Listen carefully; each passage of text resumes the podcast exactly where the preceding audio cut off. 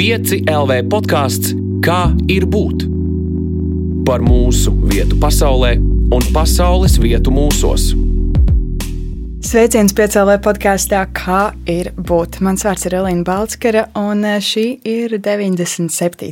epizode. Un tiem, kas jau klausās regulāri, es esmu vairāk kārt čukstējusi, ka kā ir būt tuvojas savam noslēgumam, un eh, lai gan šī nav pati pēdējā epizode, es teiktu, ka šī ir noslēdzošā epizode tam, kā ir būt, kāda mēs to esam pazinuši nu jau trīs gadus.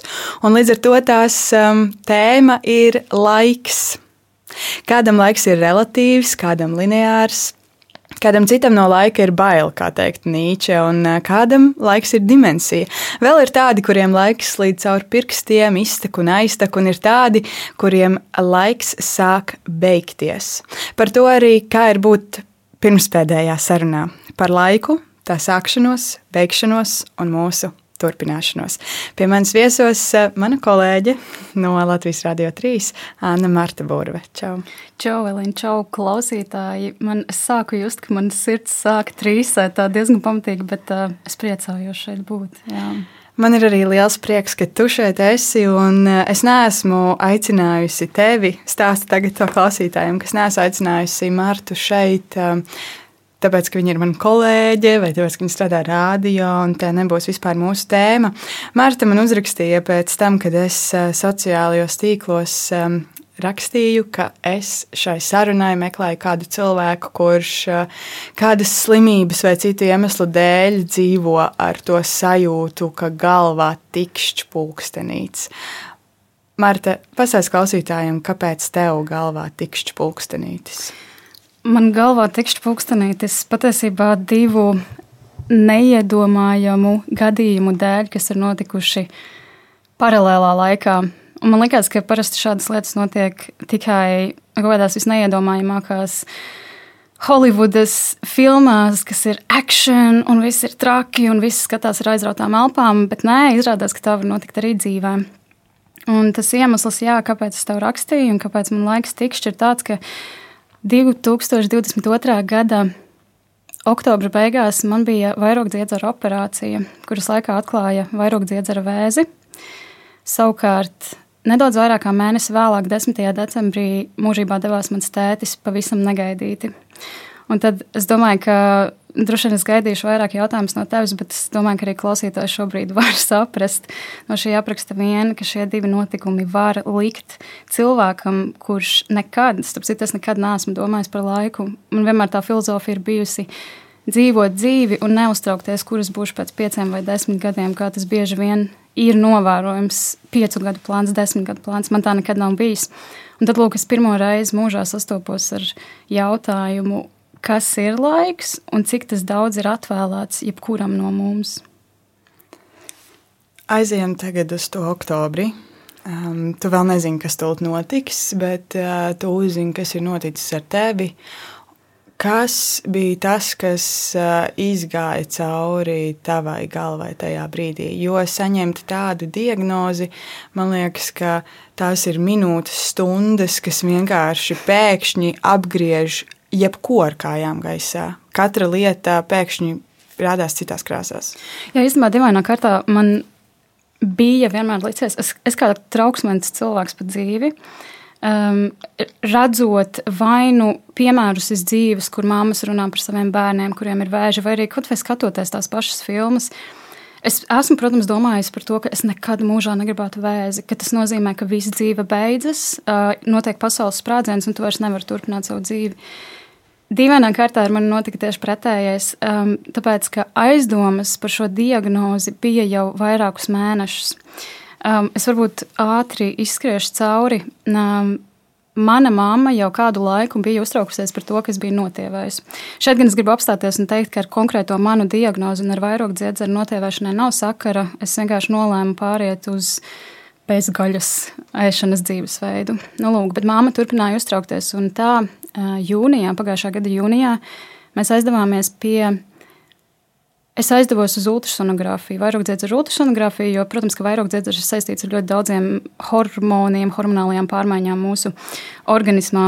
Un, uh, tur atklāja vairogdziedzerī man atklāja divus mazglus. Un uzreiz teica, ka, nu jā, es neko priecīgi jums nevaru pateikt, es ieteiktu jums aiziet uztaisīt biopsiju. Tad man divus mēnešus bija jāgaida biopsija. Man bija tā saucamā punkcijas biopsija, kad es aizēju, apguļos krēslā un man iedur ar tādu tā smalku adatiņu tajās vietās, kur ir tie mēsgli, paņem teikt, piemērus, paraugus, un, un tad vēlāk arī izanalizē. Un tā atbilde pēc divām nedēļām atnāca tāda, ka vienā mazglā ir nu, viss kārtībā, bet otrais ir aizdomīgs, ka tur esot kaut kādas atipiskas šūnas. Nu, mans pirmais, protams, ir viss vēzis, es miršu. Tajā pašā laikā mans tētis bija ķirurgs, viņš bija ārsts, un uh, viņš varēja arī ļoti ātri nomierināt, un to pēc tam arī um, citi ārsti nomierināja, ka atipisks nenozīmē vēzis. Tas nozīmē, ka tur vienkārši kaut kādas atipiskas šūnas, kuras vajadzētu paskatīt vairāk. Mēs ar tēti aizgājām pie ķirurga, Mm, endokrinologa ķirurga. Viens no labākajiem. Tiešām Latvijā man bija tā paveicies, ka tētis varēja man to nokārtot, ka man pašai tas nebija jādara. Jo man liekas, ir viena lieta, ko es noteikti gribu pateikt, ka tad, kad notiek šādas lietas dzīvē, es esmu tik laimīga, ka man bija cilvēki, kas varēja izdarīt lietas manā vietā. Tāpēc nav jau tā, ka es bruku kopā, bet man bija ļoti, ļoti grūti kaut ko izdarīt. Nu, jā, un tas ķirurgs teica, ka nu, tie mēsli ir tādi palieli, Darīsim tā, ka uztaisīsim operāciju, tā būtu visdrošāk. Mēs izņemsim to vienu vairogu dziedzera pusi, kurā ir tie mēsgli. Un, protams, man kā ķirurgam nav uzdevums ņemt ārā orgānus. Man ir uzdevums pārliecināties par to, ka jūs nodzīvojat pilnvērtīgu dzīvi. Un, un tā kā tad, kad izņem pusi no vairogu dziedzera, tas nozīmē, ka tā otrā puse var turpināt man ļaut dzīvot bez nekādām zālēm un tam līdzīgi. Ja izņem visu, tad gan visu mūžu ir jādara zāles. Nu, lūk, un tad nu, jā, pienāca tā operācijas diena. Un, protams, tie mēneši, tie bija kaut kādi divi, trīs mēneši līdz tai operācijai. Es biju diezgan mierīga, jo tad, kad tu redzi, ka tev ir kaut kāds pušums uz rokas, tu to redzi, vai ne? Un tu zini, ok, man šitais ir jāpažēlo, jāpagaida, jāizturas pret to saudzīgi. Bet tad, kad tevī ir kaut kas iekšā, es neredzu, es, es nesaprotu īsti, kas notiek, un tā kā es to neredzu, es arī īsti neticu, ka tas ir. Es nezinu, varbūt, es, varbūt tas ir tāpēc, ka es esmu vizuāls cilvēks, varbūt tā ir ļoti daudziem, bet tas ir iekšķīgi. Tāpēc es, es nespēju pat aptvert, kas notiek. Nu, lūk, un um, tā mana operācija bija diezgan smaga. Tieši tam dēļ, ka viņi sākumā izņēma to vienu vairogdziedzeru pusi. Uh, pārbaudīja, biopsēja, pagāja, protams, laiks, un es tikmēr biju zem anestēzijas, vienkārši gulēju. Viņi atklāja, ka ir ļaundabīgas šūnas, un tad ņēma vēl ārā otru. Un tikai tāpēc, ka man tā operācija bija tiešām tik gara, kas nozīmē, ka man arī ļoti daudz anestēzija tika iedota, tad, kad ķirurgs ienāca manā palātā, es biju, nu, man bija slikta duša, es vēmu, man bija, nu, es biju pārgurusi tiešām nāvīgi. Un tad viņš teica, nu jā, mēs atradām ļaunprātīgās šūnas, jums pēc mēneša vajadzēs doties uz onkoloģijas centru, veikt joda terapiju, mēs jau esam sarunājuši. Triate, tā, tā, tā. Un es tajā brīdī atceros, ka es gulēju, es skatījos viņu, un man bija tāds, labi, lai tā būtu. Līdz ar to tā pieredze, kāda bija tajā brīdī, kad man teica, ka jā, jums ir vēzis, tā bija pilnīgi citādāk, kā tas jau kad to būtu iedomājusies. Protams, cits stāsts ir par laiku pēc tam, par vispār apjaušanu, par saprašanu, kas notiek, un par pieņemšanu, jo tas ir, tas ir patiešām ļoti dažādi. Kurš bija tas brīdis, kurā tu pieņēmi? Jo pareizi jau tu saki, ja tas ir kaut kas iekšā, ko teorētiski tu nejūti, nu tā, tev tas ārprātīgi dzīve netraucē tajā brīdī. Kā tu vispār iedomāties, ka tev iekšā kaut kas ir tāds, kas tevi var nogalināt, vai vispār nu, iedomāties pēkšņi, ka tavas dienas ir skaitītas, kaut gan tavā dzīvē it kā nekas nu, ārēji nav mainījies, vai ne? Un tavas dienas vienmēr ir bijušas skaitītas, mm. vai ne? Uh, kad bija tas brīdis, kurā tu apjauti to, ka jā, tava dzīve ir mainījusies? Mm. Es domāju, ka tas ir bijis ļoti pakāpenisks process, tāpēc, ka, protams, ka pēc operācijas organisms ir izgājis cauri kaut kam ārkārtējam. Un tam ķermenim ir jāatkopjas, un viņam ir jāatpūšas. Līdz ar to bija kaut kāds brīdis pēc operācijas, kad es vienkārši dzīvoju, elpoju, un centos darīt savam ķermenim, kas ir ārprāts, kāds spēks mūsos vis, pa, patiesībā ir. Um, mūsu ķermeņa un organismu var izdarīt tik daudz. Es biju ļoti saudzīga par to savu ķermeni. Pēc tam, nu jā, nāca tā, tas onkoloģijas centra brīdis, un tad, protams, tad, kad, spēr, tad, kad es spēru soli tajā onkoloģijas centrā, es vēl atceros, ka pirmo reizi es gāju pa gaiteni un es ieraudzīju sievieti ar um, uzkrāsotām uzacīm un ar pliku galvu. Un man liekas, īstenībā, laikam, zini, šitais bija tas brīdis, kad man, es atceros, ka man tā kā, it kā kaut kāda lode būtu um, iešāvusies krūškurvī. Ka es ieraudzīju cilvēku, kuram ir līdzīgi, Protams, viņai daudz citādāk un noteikti cita terapija nekā man. Um, kad es ieraudzīju to otru cilvēku, kam ir līdzīgi, kurš atrodas tajā pašā vietā, kur es, tas man liekas, saprast, ok, es esmu onkoloģijas centrā, es nāku uz terapiju, kas cerams man palīdzēs tikt no šīs diagnozes vaļā. Tad nepaiet uh, pa divi mēneši, Un uh, notiek vēl viens notikums, kas tavu to iekšējo pulksnīti absolūti sagroza. Kā tavu sajūtu par dzīves laiku ietekmēja pēc tam arī tēta nāve? Jā, šis ir tāpēc man arī īstenībā ļoti grūti ar tevi runāt par to, kā es jūtos par savu vēzi un īstenībā par savu tēti tāpēc, ka tas notika tik paralēli. Es patiešām es nebiju paspējusi atķēkties un pierast pie savas diagnozes, ka pēkšņi nomirst viens no maniem tuvākajiem cilvēkiem. Un, protams, un tas bija ļoti negaidīti. Um, un, protams, tajā brīdī es saprotu, ka, nu jā, mamma nav nemirstīga un tētis nav nemirstīgs. Un es nezinu, man vēl joprojām man ir 25 gadi, bet es, protams, vēl joprojām esmu bērns mammai, es biju bērns tētim. Tāpēc es domāju, šie mani mīļie cilvēki, kas man ir atbalstījuši, uh, es esmu tik laimīga bijusi savā dzīvē tiešām. Kas man ir atbalstījuši tā, kā viņi ir atbalstījuši, viņi nav mūžīgi. Un man liekas, ka es pirmo reizi mūžā tā pa īstam sajūtu bailes par to, ka ir lietas, kas nav mūžīgas. Jo man vienmēr ir bijis tā sajūta, ka pasaulē viss ir ciklisks, un tā tam ir jābūt, jo nekas nevar turpināties mūžīgi. Un, ja arī turpinātos mūžīgi, tā būtu stagnācija, un tas būtu ļoti slikti. Tas nevienam nepalīdzētu. Bet attiecībā, protams, uz saviem mīļajiem, um, tā sajūta par to, ka viņi var izbeigties, tā nav patīkama. Kad tētis nomira, es Pirmo reizi laikam arī sajūtu, ko nozīmē, kad laiks stāv uz vietas. Jo tas bija sestdienas rīts, un man deviņos no rīta zvana mamma. Un es teicu, jau bija slimnīcā pāris dienas. Un es zinu, ka tas, ka mamma man tik agri zvana, nav normāli, jo es esmu cilvēks, kas guļ ļoti ilgu laiku. Tāpēc, kad es ieraudzīju 9 un 6 minūtes, es skaidri atceros, ka mamma zvana. Es jau zināju, ko viņa teiks. Bet tas, protams, tā nebija tā pati pieredze, kā tad, kad viņa man to reāli pateica, ka, labrīt, meitiņ, es tikai gribēju tev pateikt, ka tētis šorīt nomira.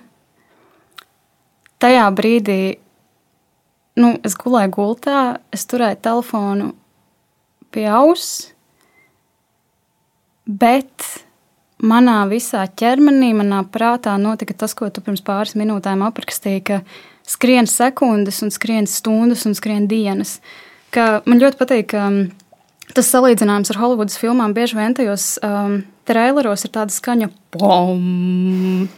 Tajā brīdī es sajūtu to, bet es biju, es biju tajā, tajā pam centrā, kurā es pati esmu vienkārši statiska, bet tas vilnis 360 grādos ap mani aiziet uz visām pusēm. Un līdz ar to vienlaicīgi ir sajūta, ka es neeksistēju laikā, bet ka tajā pašā laikā laiks eksistē bez manis un skrien kaut kur pavisam tālu prom. Um, jā, nu jā, man liekas, kaut kā, kaut kā, kaut kā tā. Tu pirms tam stāstīji, kā tu raudzījies uz uh, piecus gadus, desmit gadus plāniem, ka tev tas likās, ka tas nu, nav neatiecas uz tevi. Ko tu tagad domā par dzīves plānošanu pēc visa tā, ko tu esi piedzīvojusi? Es vēl vairāk to negribu plānot patiesībā. Um, arī mums tā lielā tēma ir laiks, tu teici. Un, mm, es sāku saprast ar vien vairāk, cik ļoti um,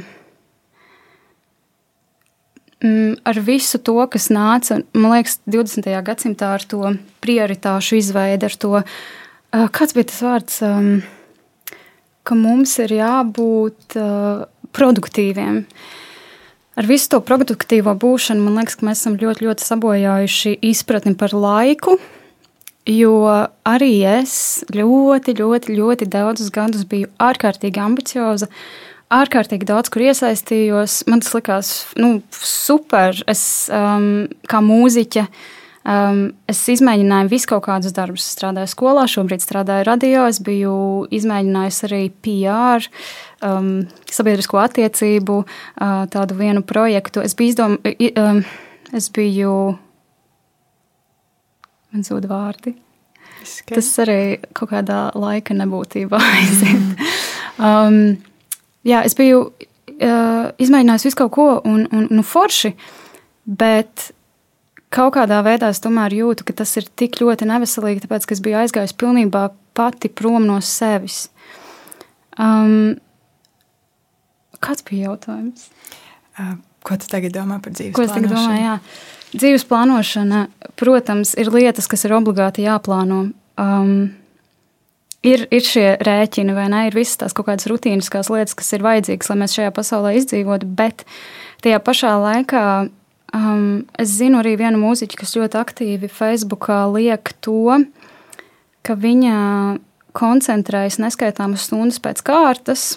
Viņa to piekopja, un viņa to arī liek um, Facebookā. Nu, tā kā 15 stundas šodien bija koncent, tīrā koncentrācija, un es paspēju izdarīt šo, šo un to. Un es ļoti priecājos par viņu, jo es pazīstu šo cilvēku, un uh, tas ir lieliski, ka viņi kaut ko tādu var sasniegt. Tajā pašā laikā ir jāskatās uz katru cil- cilvēku individuāli, un es pati personīgi uzskatu, ka šādi var aiziet absolūtā nebūtībā un pazaudēt dzīvi kā tādu. Protams, man ir um, arī ļoti liels jautājums ir par to, kāda ir dzīves sasaiste ar laiku, cik tā ir saistīta vai nav. Bet, um, bet plānot dzīvi līdz katrai dienai pa stundām, man liekas, ka tā nav patiesīga dzīves dzīvošana. Kas ir? Patiesīga dzīves dzīvošana ir uzticēšanās sev, un varbūt pat visvairāk ieklausīšanās sevī. Ieklausies sevī un dari to, ko tu jūti, ka vajag. Nevis spied no sevis, cik vien daudz to mērci var, lai darītu kaut ko bieži vien neizsakāmu mērķu vārdā. Vai tu un tava dzīve ir viens un tas pats?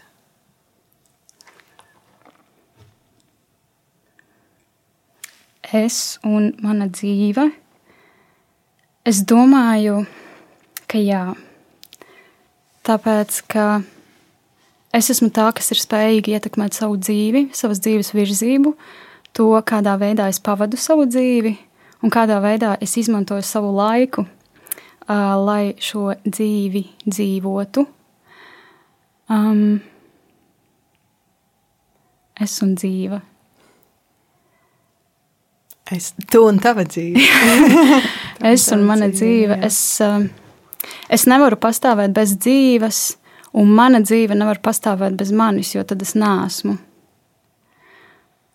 Man liekas, ka kaut kā ļoti līdzīga ir ar laiku.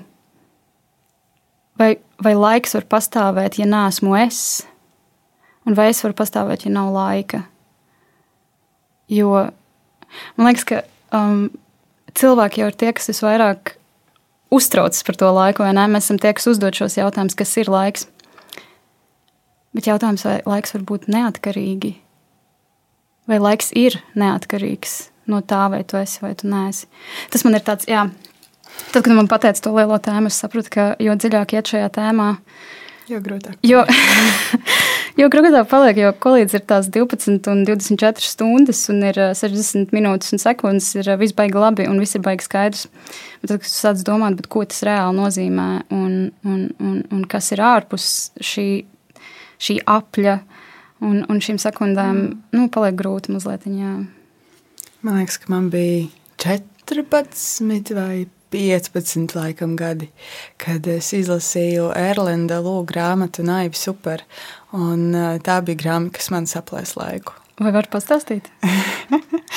um, es pat, tas, bija, tas ir par tādu dzīves laiku, un kā mēs to izmantojam, un cik dažādos veidos to var izdarīt. Um, par atteikšanos no kaut kādām lietām.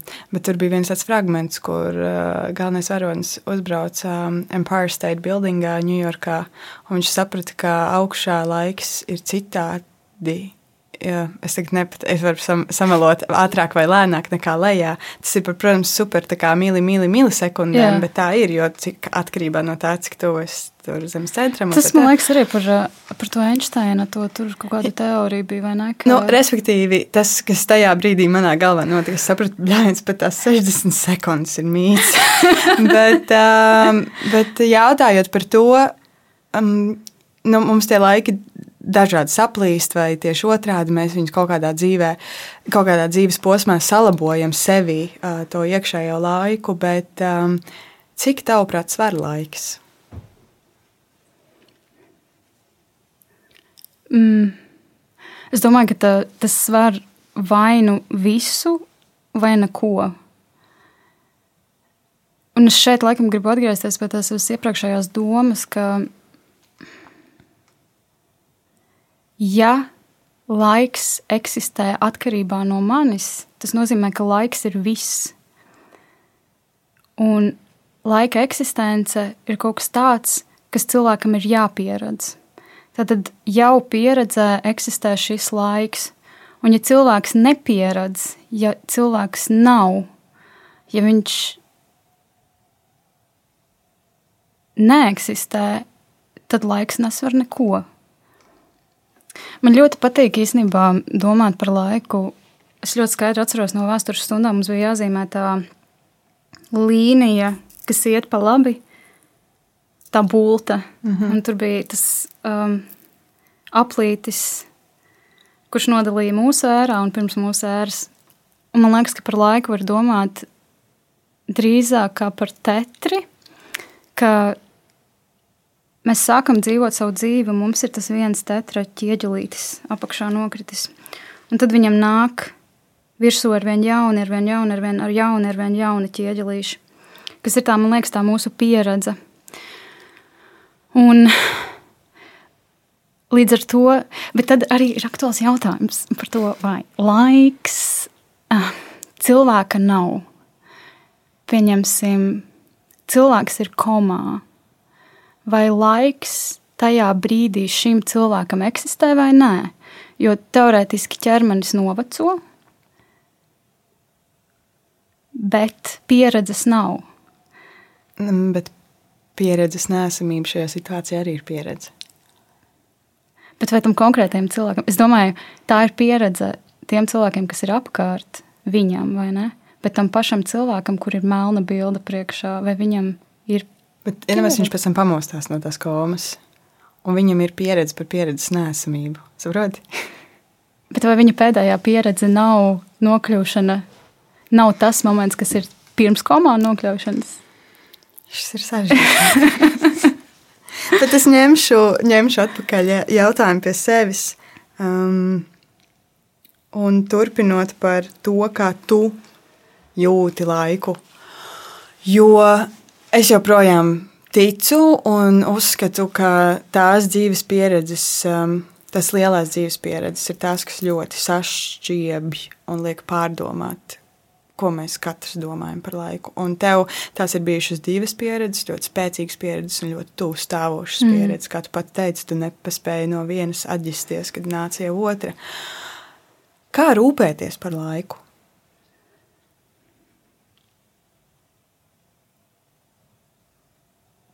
Es kaut kā šobrīd esmu ļoti ieciklējusies uz to, ka laiks ir pieredze, un laiks bez pieredzes nevar eksistēt.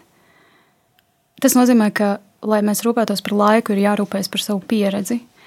Pieredze savukārt ir mūsu dzīves dzīvošana. Tas nozīmē, ka, lai tu rūpētos par laiku, tev ir jārūpējas par sevi. un par to, kas tu esi dzīvē un ko tu dzīvē dari.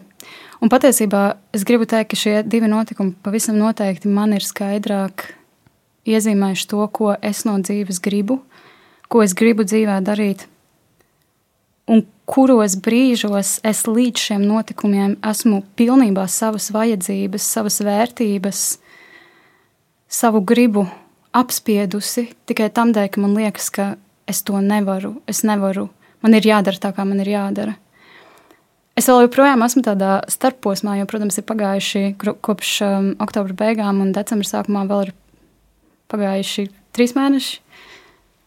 Um, līdz ar to es vēl esmu tādā starposmā, bet es ļoti skaidri redzu, ka, lai es nodzīvotu šo laimīgo, patiesīgo dzīvi, man pa, pašai par to ir jārūpējas, un pat varbūt tās lietas, kas man ārkārtīgi biedē, kas man liekas, ir neiespējams, man uz tām ir jāiet. Citādi tā patiesīgā dzīve nebūs.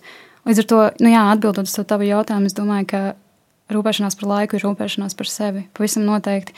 Jo kāda jēga mums ir lūpe, rūpēties par laiku, kas ir ārpus mums? Es pieļauju, ka varbūt filozofijā vai jebkādās šādās teorijās cilvēkiem par to ir ārkārtīgi interesanti runāt un domāt un šķatināt, bet es domāju, ka cilvēkiem, cilvēkam parastajam kā man, tas laiks tomēr esi tu pats. Un man liekas, ka pie tā ir jāpieturās citādāk. Mēs varam sajūt prātā, domājot par visām citām tām laika definīcijām. Jā. Kā atšķiras tas, kā Marta rūpējās par sevi piemēram, tur septembrī, jūnijā, maijā, un kā tu tagad, Marta, rūpējies par sevi? Abas Martas. Mēs varbūt varētu izveidot divas Martas. Marta pirms oktobra, Marta pēc oktobra. Marta pirms oktobra jau rūpējās par sevi, um, izzinot sevi, dodoties psihoterapijā. Tas man ir ārkārtīgi svarīgi pašai personīgi. Bet man ir tā sajūta, ka Marta pirms oktobra par sevi rūpējās tā viegli lidinoties virs zemes. Tādā ziņā, ka Marta pirms oktobra savā dzīvē nebija nekādus traģiskus notikumus piedzīvojusi. Man tiešām ir bijusi ļoti laba dzīve. Es biju vienīgais bērns ģimenē. Mm, jā, man, protams, bija grūti, viegli brīži mm, mācīties mūzikas skolā, tīpaši tādā kā Emīļa Dārziņa mūzikas skola. Nu, tas ir grūti, tas ir vaiprātīgi brīžiem, bet, bet es biju laimīga. Man bija atbalstoši vecāki. Viņi vienmēr, vienmēr man bija blakus. Līdz pat, jā, Martai 24 gadu vecumā, oktobrī pēc oktobra man liekas, ka Marta beidzot saredzēja, ka dzīve, dzīvē var notikt viss kaut kas, pat tas, no kā Marta ir visvairāk baidījusies, un uh, kas iespējams Martai likās, ka nekad, nekad nenotiks. Um, līdz ar to šī brīža Marta par sevi rūpējas daudz realistiskāk un krietni vairāk izvērtē to, kas varbūt ir Martas iedomas, kas ir, rož, kas ir tas rožainais skats uz dzīvi un kas ir tā dzīves realitāte. Ir ļoti jokaini runāt par sevi trešajā. Bet reizēm tas ir vieglāk. Tas ir vieglāk, vai ne? Jā. Tas ir tāpat kā um, psihoterapijā ir tas um, baigi foršais, es nezinu, paņēmiens, vai es nezinu, kā to nosaukt, bet ka maziņais es. Uh mhm. -huh. Tā kā, nu jā, mazais es. Ko mazais es teiktu par šo? Ka viņš no mums bieži vien iznāk ārā kaut kādas, iespējams, bērnības traumas dēļ. Un tas jau nav mans mazais es, tā esmu es. Bet uh, noliekot kaut ko, kaut ko malā un apskatot to no malas, mēs, protams, ieraugam uh, ieraugam to daudz, varbūt iespējams, objektīvāk, jo pats pret sevi, tu, protams, objektīvs nevari būt nekādā veidā. Jā, tā ir kaut kāda distance arī, kas tajā brīdī palīdz. Tu runā par arī kaut kādām nu, pieredzēm, kas ir par sevi, ko, ko tev ir bail bijis iespējams piedzīvot un, un uh, pieņemt kaut kādas iespējas, varbūt, vai kaut kas cits, un respektīvi dzīvot to dzīvi, ko tu gribi dzīvot un ko tas vispār nozīmē. Bet uh, tu bieži sevi vaino par kaut kādām neizmantotām iespējām. Mm.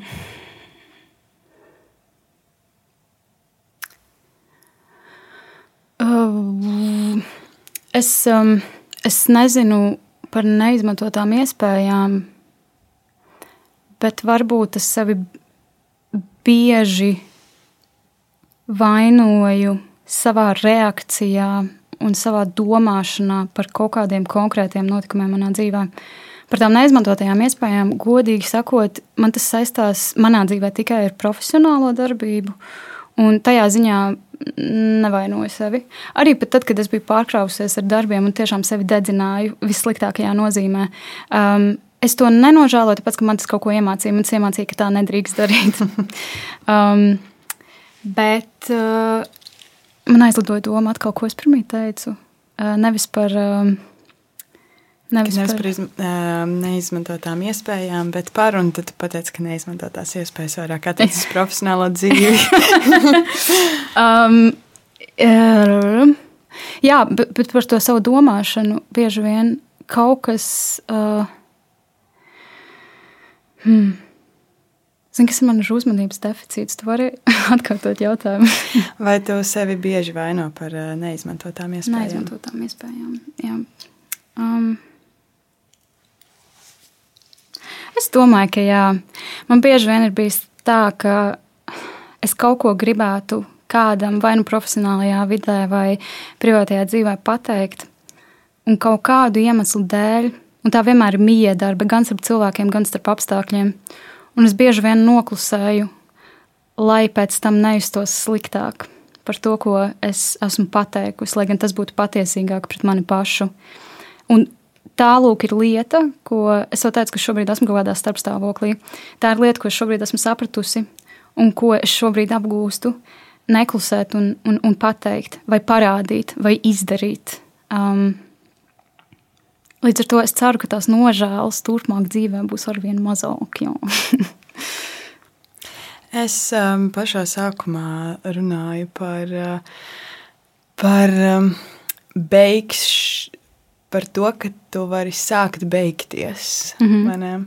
Un uh, tu vari arī vienkārši kā kaut kādu jaunu sākumu izdarīt uh, savā dzīvē. Un uh, tad mans jautājums tev ir, kas tavuprāt ir grūtāk sākties vai beigties? Mm.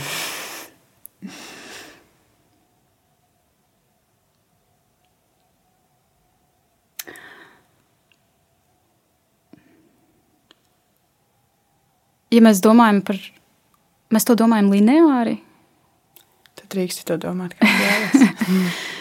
Tikai pirms tam pasakāt, kāda doma. Mm -hmm, mm -hmm. nu, par to sākšanos un beigšanos, ja mēs domājam lineāri, tad es droši vien nonākšu ļoti lielās pretrunās pati ar sevi, bet nu, es sākšu runāt, un tad skatīsimies, kur tas novadīs. Es uzskatu, ka sākties ir grūtāk nekā beigties. Sākšanās man skaistās, saistās ar piedzimšanu, un tad dzīves mācīšanos visas dzīves garumā. Un šeit, man liekas, es nokļūstu tādā pretrunā ar sevi. Tāpēc, ka kā var kaut kas beigties, ja dzīve visu laiku turpinās? Saprotu, man doma. Mm -hmm. Jā. Um, tāpēc es gribētu teikt, ja mēs par sākumu domājam, jā, kā, kā par šo dzīves sākumu un kā par jaunu pieredžu sākumu, tad sākties pavisam noteikti ir grūtāk nekā beigties. Jo man kaut kā ir varbūt tā ļoti romantiskā ļoti romantiskais skatījums uz to, ka tad, kad es beigšos, ka tā diena būs pienākusi, ka, tā, ka tas dzīves tetris būs piepildījies pietiekami, lai es nebaidītos no tā, un lai man tas nebūtu grūti, lai man nebūtu grūti palaist vaļā visu to, kas man apkārt um, būs bijis. Bet tad, kad tu saprati, kas ar tevi notiek, um, kad saprati savu diagnozi, kas nav vienkārša, Droši vien tā ir diagnoze, kur tu arī tajā vecumā negaidi.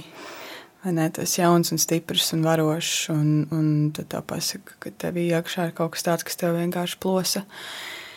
Tev likās, ka tajā brīdī kaut kādā ziņā tev ir izvēle starp to, ka vai nu tu tagad izvēlēsies, ka tu sāc beigties, vai arī ka tu vienkārši sāc atkal sākties. tas, ir, jā, tas ir interesants jautājums, jo no vienas puses es gribētu teikt, ka tā ir kaut kā jauna sākšanās, vai ne? Bet tajā pašā laikā es negribētu aizmirst visu to, kas ir bijis iepriekš, un tad es gribētu tomēr to jauno sākumu integrēt visā tajā, kas jau bija sācies ar mani, ar manu piedzimšanu. Es gan laikam gribu nokomentēt šajā brīdī, ka tā mana diagnoze no viņas tā teikt nemirst. Tādā nozīmē, ka man um, ja tā drīkst teikt, ir vispateicīgākais vēža veids. Vairogdziedzaru vēžus ļoti, vairogdziedzaru vēžu ļoti labi ārstējas, it īpaši sievietēm. Vīriešiem ir cits stāsts, bet es, protams, neieslīgšu detaļās. Um, Bet interesantais ir tas, ka par spīti tam, ka visi ārsti gan pirms diagnozes, gan pēc bija ļoti teikt, pozitīvi, nu, ka skatīsies, skatīsies, bet nu, mēs jau tie vairāk dzirdam, uh, vēža ārstais. Uh, tas vienalga man nepalīdzēja ik pa laikam nosēsties uz gultas un vienkārši sākt raudāt, domāt par to, ka es miršu, es miršu, es miršu. un, un līdz ar to man liekas, ka tā domāšana par kaut kā beigšanos, par sevis beigšanos, viņa ir vairāk tāda, nu jā, simboli, simboliska, kaut kāda emocionāla vairāk, jo starp citu vēl joprojām um, Es izgāju joda terapijas kursu. Um, janvāra beigās noriju vienu joda tableti, radioaktīvā joda. Un man onkoloģija pēc vairākām dienām teica, viss ir baigi forši uzsūcies. Es esmu ļoti, ļoti optimistiska. Tas bija liels atvieglojums. Es atceros, ka es tajā dienā man tieši bija psihoterapija, un es nosēdos pie ter terapeita pretī, un es vienkārši izdevusi visdīvainākās skaņas. Es trīcinājos, es blā, visu laiku bija šāds. Tāpēc, ka, protams, ka tas um, saspringums bija nežēlīgs. Un onkoloģija man tikko bija šīs brīnišķīgi priecīgās vēstis pateikusi. Bet jo ilgāk laiks gāja uz priekšu, jo vairāk es gribu pievērst uzmanību tam, ka, protams, man ir labās un man ir sliktās dienas. Man ir labās dienas, kad es turpinu to dzīvo, dzīvot to savu dzīvi tā, kā es līdz šim esmu dzīvojis, kad es nedomāju par laiku, es nedomāju par pieciem un desmit gadiem, es vienkārši esmu. Bet tad ir dienas, un uh, man šķiet, ka es pat esmu šobrīd, šodien, šajā brīdī, kad mēs ar tevi runājam, es šobrīd esmu tajā dienā, kad es domāju, jā, bet man vajadzēs atgriezīsies noteikti kaut kad dzīvē. Tas, būs, tas varbūt pēc sešiem, tas varbūt pēc desmit gadiem. Un, un ka man visu mūžu būs jāuztraucās par to, un man visu mūžu nebūs tā pilnvērtīgā dzīve. Tāpat laikā nu, tā jau nav veselīga domāšana. Tāpēc, ka jā, tas vēzis var atgriezties pēc sešiem gadiem, tāpat kā vēzis var parādīties pēc sešiem gadiem cilvēkam, kuram līdz šim tāds nav bijis. Un tad te nu nostrādā laikam tā teorija būt tomēr klišejiski būt šeit un tagad. Būt šeit un tagad, būt šeit un tagad un baudīt to. Jo tad, kad um, ir visas tās prioritātes sarakstītas, un es zinu, ka man rītdien ir tas, un aizpārīdien ir tas, un pēc mēneša darīšu šito, nu, tu vairs neesi šeit un tagad. Es to saku pēc, pēc pieredzes. To nomainam uz es. Um, tā kā, jā.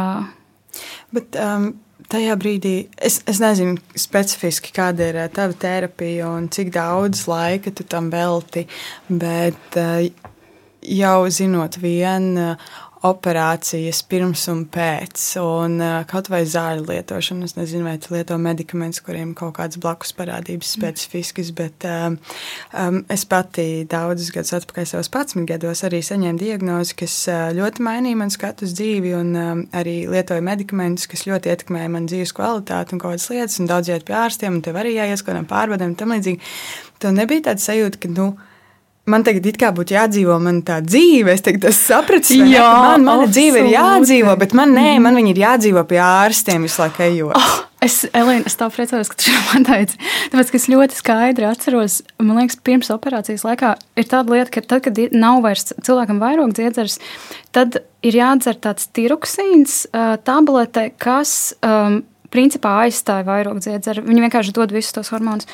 Un es tajā brīdī domāju, pats, ja man izņems to vairāk dzērt, man tagad katru dienu būs jādzer tās tabletes. Bet es gribētu, piemēram, ja nu kādreiz es neesmu mājās, ka man nav jādzer tā tablete, nu, kas varētu vienkārši dzīvot. Lai gan arī ar visu tableti, ja es vienu dienu neiedzeru, nu nekas slikts nenotiek, jo tā tablete krājas. Un līdz ar to es pilnībā rezonēju ar to, ko tu saki. Um, man kādu brīdi pavisam noteikti bija tā nostādne, ka visas esmu kaut kāds um, sačakarēts cilvēks. Nu, ka, bet es lietoju arī citus medikamentus. Es lietoju divus antidepresantus. Um, arī, starp citu, katru rītu. Un tā kaut kā man nekad nav bijusi problēma. Bet, lūk, līdz ir runa par kaut kādiem šādiem mm, operācijām un vēžiem, tā uzreiz liekas, ah, viss ir, viss ir um, slikti. Līdz ar to es šobrīd varu runāt no tāda cilvēka pozīcijas, kas ir samierinājies. Tāpēc, ka man ļoti patīk, kā mana terapeita pateica tieši par tām tabletēm. Nu, jā, bet tā tablete tev palīdz dzīvot un izdzīvot. Kāpēc lai tu par to dusmotos un būtu neapmierināta. Jo labi nedzer to tableti, bet tad tu nomirsi, jo tev vienkārši nebūs to pareizo hormonu. Un, man liekas, man šī domāšana ļoti palīdzējusi. Bet atkal tas var mainīties. Es pilnībā pieņemu, ka pēc mēneša man atkal būs krīze, un es vienkārši ienīdīšu dzīvi, ienīdīšu visu, kas ir noticis. Bet, bet arī pieņem to, ka tas ir ok.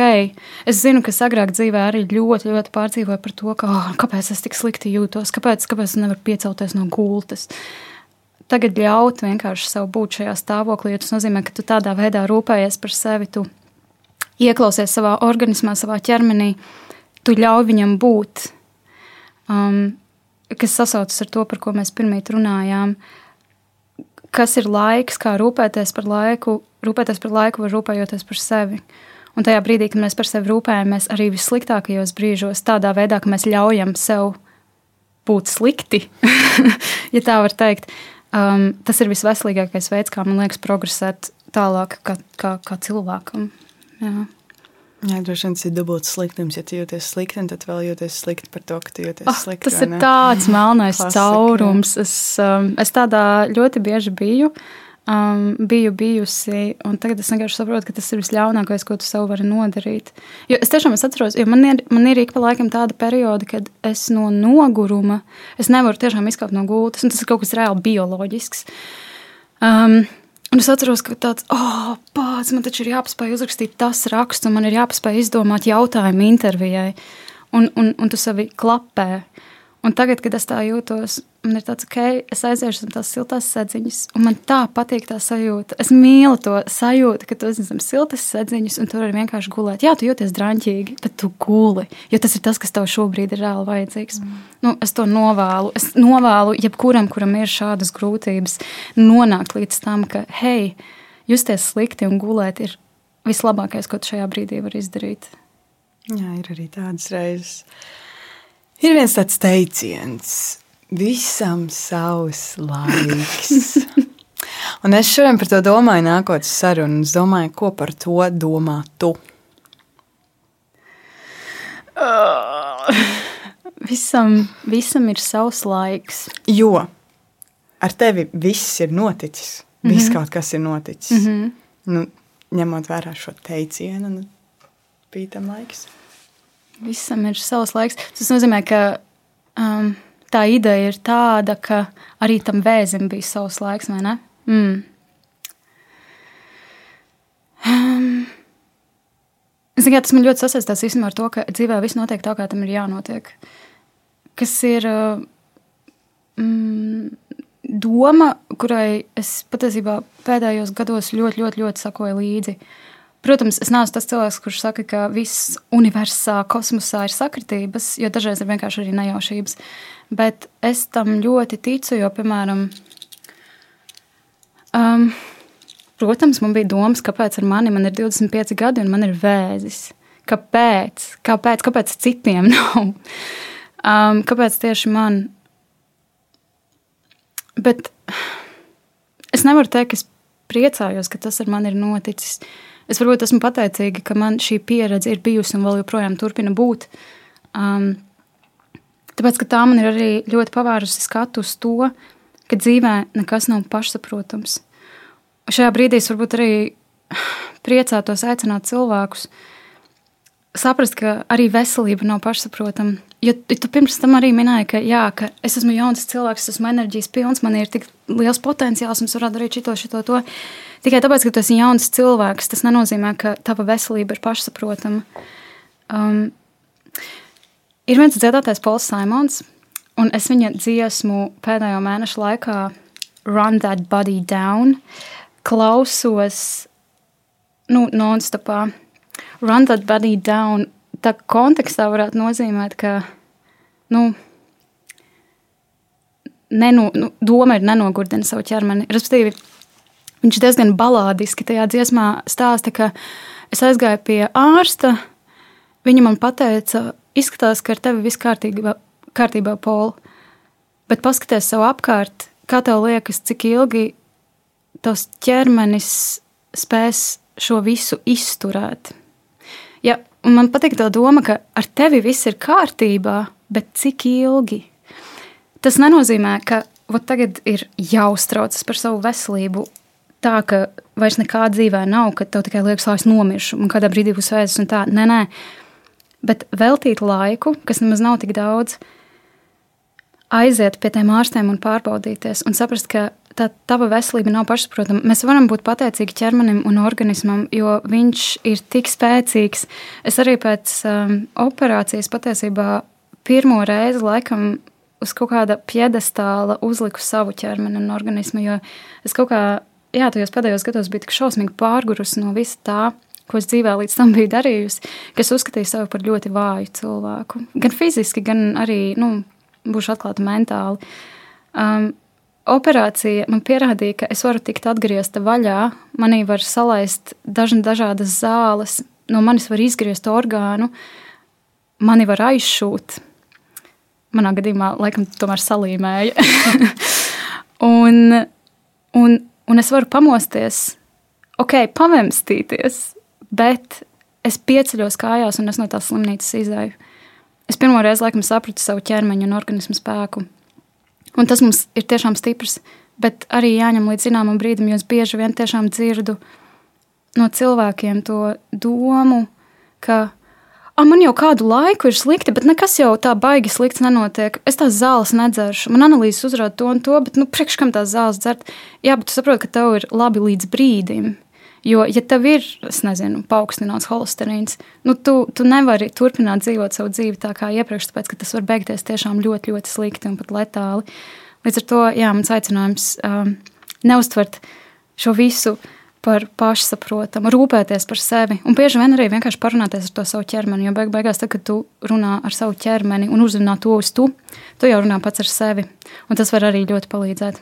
Bet jā, iet pie ārstiem, lūdzu, ejiet pie ārstiem un neignorējiet to.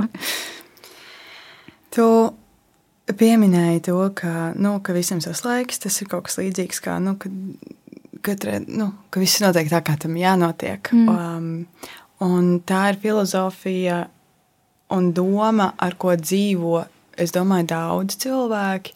Un tā ir um, laba un slikta doma vienlaikus.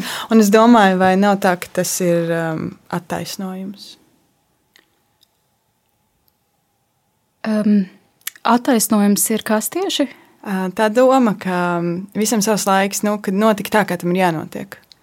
Un ka, à, ka tu, kā, tu attaisno vari, šos notikumus vienkārši mm šo frāzi. Ka tu arī, arī kaut kā mm. preven, preventē tos. Mm. Redz, man ir sajūta, ka es, piemēram, to savu vēža notikumu, es to preventēju. Jo mēs to laicīgi atklājām, protams, ar mammas palīdzību. Mēs to atklājām, un līdz ar to viņš varēja aiziet tik tālu, ka tiešām man sākas reāls problēmas. Tāpat laikā, ja man tagad ir uzreiz jārunā par tēta nāvi, uh, tur gan es esmu dusmīga, diezgan ļoti. Um, vai tā ir atruna? Tas ir tik labs jautājums, Elīna. Es nezinu, vai es varu uz to atbildēt.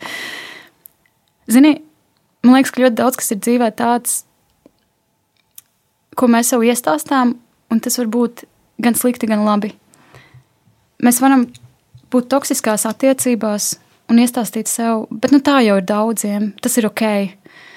Vai arī tam tā ir jābūt? Nu, Jā, okay, tas, mm -hmm. tas, tā, tas, tā, ir, tas tā vienkārši ir.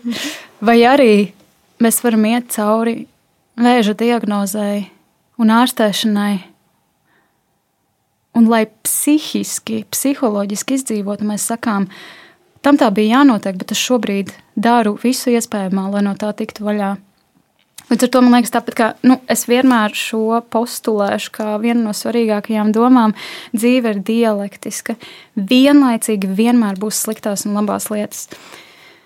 Um, Man ir vēzis, tas ir slikti, bet tas ir arī labi, jo es zinu, ka man viņš ir, kas nozīmē, ka es varu viņu ārstēt. Um, es sastrīdājos ar savu draugu. Tas ir slikti, jo strīdi ir neforši. Bet tas ir tik labi, jo tad, kad mēs izrunāsimies, mūsu attiecības padziļināsies.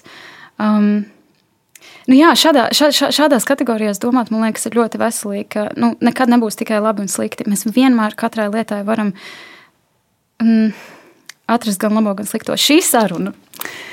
Kāds izdzirdēs un domās, ah, ko var ņemties, ko var filozofēt par laiku, bet kāds cits teiks, hei, es šitā jūtos, es šitā esmu jūties ļoti ilgi, un man šis reāli palīdz. Tā kā vienmēr sliktais un labais dialektika. Jā. Ko tu darītu citādi, ja tu varētu sākt no sākuma? Neko. Es tik ātri atbildēju, tāpēc, ka es par šo esmu domājis. Bet es tagad, a, kā man to paskaidrot? kā neko nemainīt. Tāpēc, ka man liekas, ka pats sākuma punkts um, ir ļoti svarīgs tajā, ka katrs nākamais punkts ietekmē vēl nākamo un nākamo. Un, ja es no sākuma jau sāktu ietekmēt kaut vai tikai vienu lietu, tad pilnīgi visa mana dzīve būtu pilnīgi citādāka. Varbūt tas būtu uz ielas pārsalus un nēdusi tikai tāpēc, ka tikai viena lieta manā dzīvē ir um, izmainīta. Um, tāpēc es nemainītu neko. Jā. Zin, kā, kā ir, tā ir. kā ir, tā ir. Bet, nu, bet tā ir. jā, jā nu, bet, bet tāpēc arī es to dzīvi tik ļoti mīlu. Patiesībā es tiešām es tagad varu teikt, es mīlu dzīvi. Tāpēc, ka tā ir tik laba un slikta. Un tā ir tik mīlestības, laimes un prieka pilna, un tā ir tik traģiska un nu, reāli reizēm besīga un neizturama. Bet tas ir tas, kas padara to tik labu, vai ne? Nu, es neko jaunu nepateikšu, bet tas, ka es nevaru iedomāties, ka man visu laiku būtu labi. Tas būtu tik garlaicīgi. Kombinācijā, gan labi, gan slikti kombinācijā mēs iemācāmies tik daudz, daudz vairāk. Tas ir pats vērtīgākais, manuprāt, dzīvē. Mm. Tas jau laikam mūžīgā patiesība, ka tur uh, konfektīti garšo citādi. Ja tu sēdi tikai sāļu ēdienu, piemēram, visu laiku, vai ja tēdi visu laiku tikai konfektītes, tad tā 101. konfektīte vispār nav forša, vai ne? Paliek slikta duša. Nē, es, es bieži vien tiešām es nopērku komplektā gan čipsus, gan arī frutēlu. Balansoju. Um, vēl viens vesels tēmas lokus, kur mēs pat uh, nepagūsim iekāpt iekšā, ir uh, laika un telpas attiecības, ne, kas ir vēl mm. sarežģītākas. Uh, to es atstāšu mājas darbā ikvienam, bet parasti saka par. Um, Nu, tur es labi orientējos telpā, vai slikti, vai mm -hmm. kā. Bet, uh, ko tavuprāt nozīmē orientēties laikā? Wow! orientēties laikā. Orientēties laikā. Es vairākas reizes atkārtoju šos vārdus, lai vienkārši kaut kādā veidā šo nenormāli sarežģīto konceptu iespiestu savā prātā, lai viņš vispār spētu sākt par to domāt. Orientēties laikā. Un ko tas nozīmē?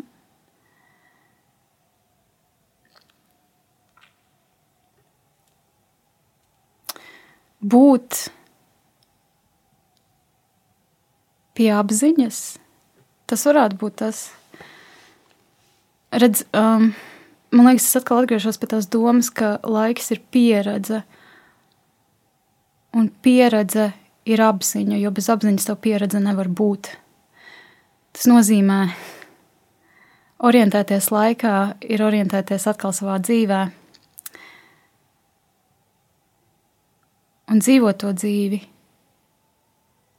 Un, zin, ir, un reizēm arī ir vērtīgi neorientēties laikā un dzīvē. Un pēc tam atkal orientēties. Jo nu nevar izturēt dzīvi nodzīvot. Tas nav iespējams, un tas nav arī vajadzīgs. Jā. Marta, mūsu saruna tūlīt noslēgsies. Mm. Tāpēc um, no manis divi tieši jautājumi tev, kas uh, ir droši vien jautājumi, par ko domā katrs cilvēks. Katrs domā bišķiņ citādi. Un uh, man ļoti interesē, kā tu domā ar savu pieredzi par šiem tiem jautājumiem. Un uh, pirmais no tiem ir uh, pavisam vienkāršs un sarežģīts vienlaicīgi, bet uh, vai tev ir bail no nāves?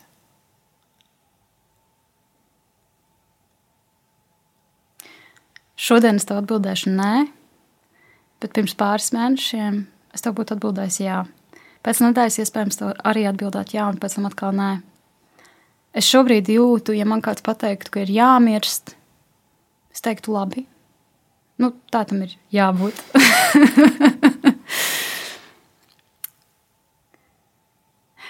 Nē, man nav vēl no nāves. Es, protams, nāve uzreiz saistās ar to, ka man ir 25 gadi, un, ja man tagad būtu jāmirst, es domāju par to, ka es tik daudz ko vēl dzīvē gribu pieredzēt. Tas, tas ir tas, kur man prāts pirmo reizi uzreiz aizgāja. Un tādā, tā, tādās kategorijās domājot, protams, es negribētu nomirt, um, jo man vēl ir tik daudz, kas, ko, ko teikt, darīt, piedzīvot. Bet um, tā domājot, varbūt globālāk un nedomājot par visu to, ko es vēl varētu pieredzēt. Nē, man nav bail no nāves, jo man liekas, ka mēs jau nāvi nepieredzam, vai ne? Vai pieredzam? Kā tev liekas? Man pašai liekas, ka nē. Man arī liekas, ka nē. Tāpēc man nav, man nav bail no tās. Jā. Mm. Mēs pieredzam tikai man liekas, citu nesamību, bet ne savu nāvi. Bet um, pēdējais jautājums, uh, briesmīgs. Es tev atvainojos jau uzreiz, ka es tev to jautāju. bet um, kaut kādā ziņā man liekas, ka. Um, Tas ir jautājums, kas ir parādījies vairāk kārt, kā ir būt sarunās. Tas ir jautājums, kas bišķiņi vijās tām visām cauri.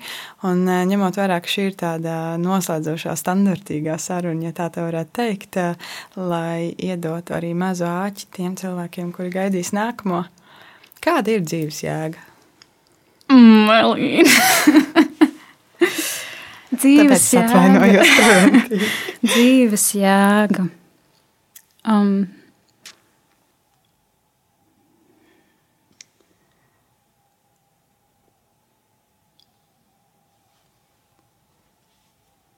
dzīves jēga pirmkārt katram ir sava, un daudziem tāda nav. Man dzīves jēga ir nopil, nodzīvot jēgpilnu un patiesīgu dzīvi.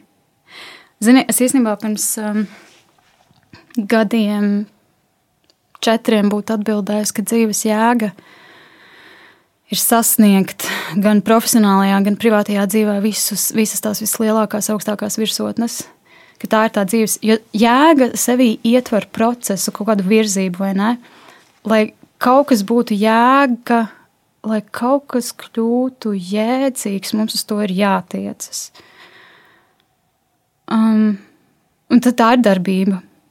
Un tas uzreiz ir saistīts ar to, ka kaut kas ir jādara, kaut kas ir jāsasniedz, it īpaši mūsdienu pasaulē.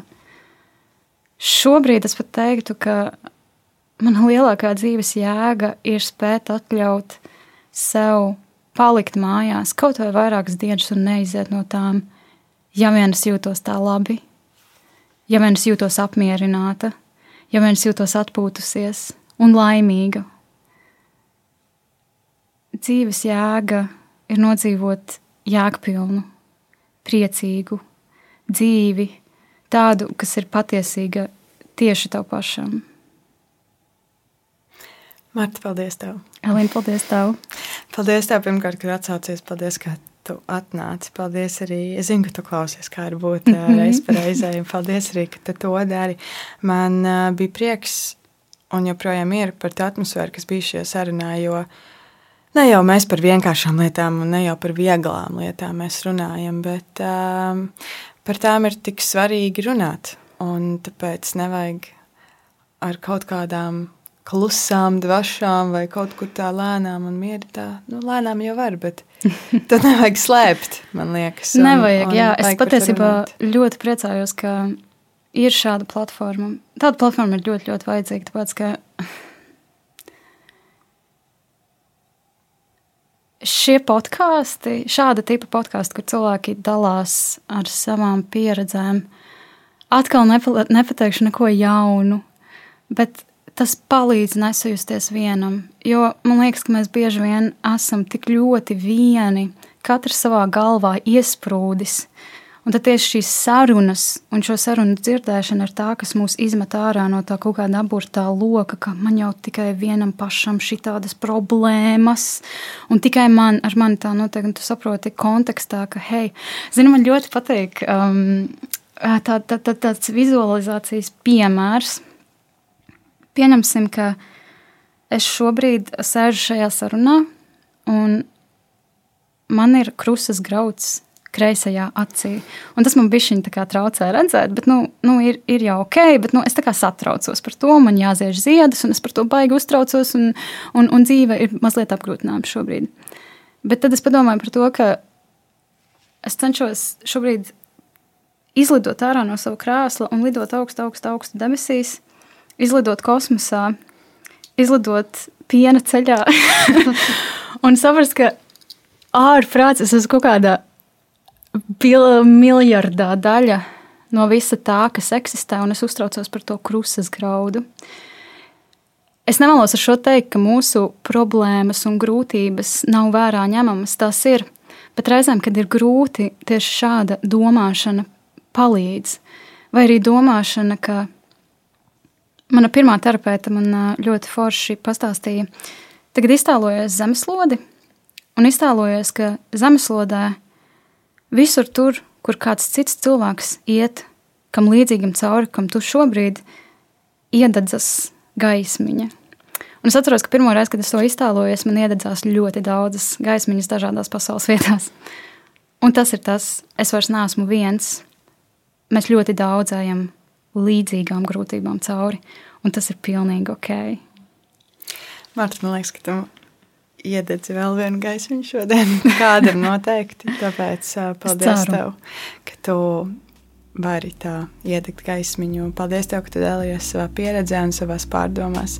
Paldies arī tev, ka tu klausījies. Mēs tiksimies jau pēc nedēļas jaunā un tiešām noslēdzošajā, kā var būt epizodē, un ir tik dīvaini to teikt.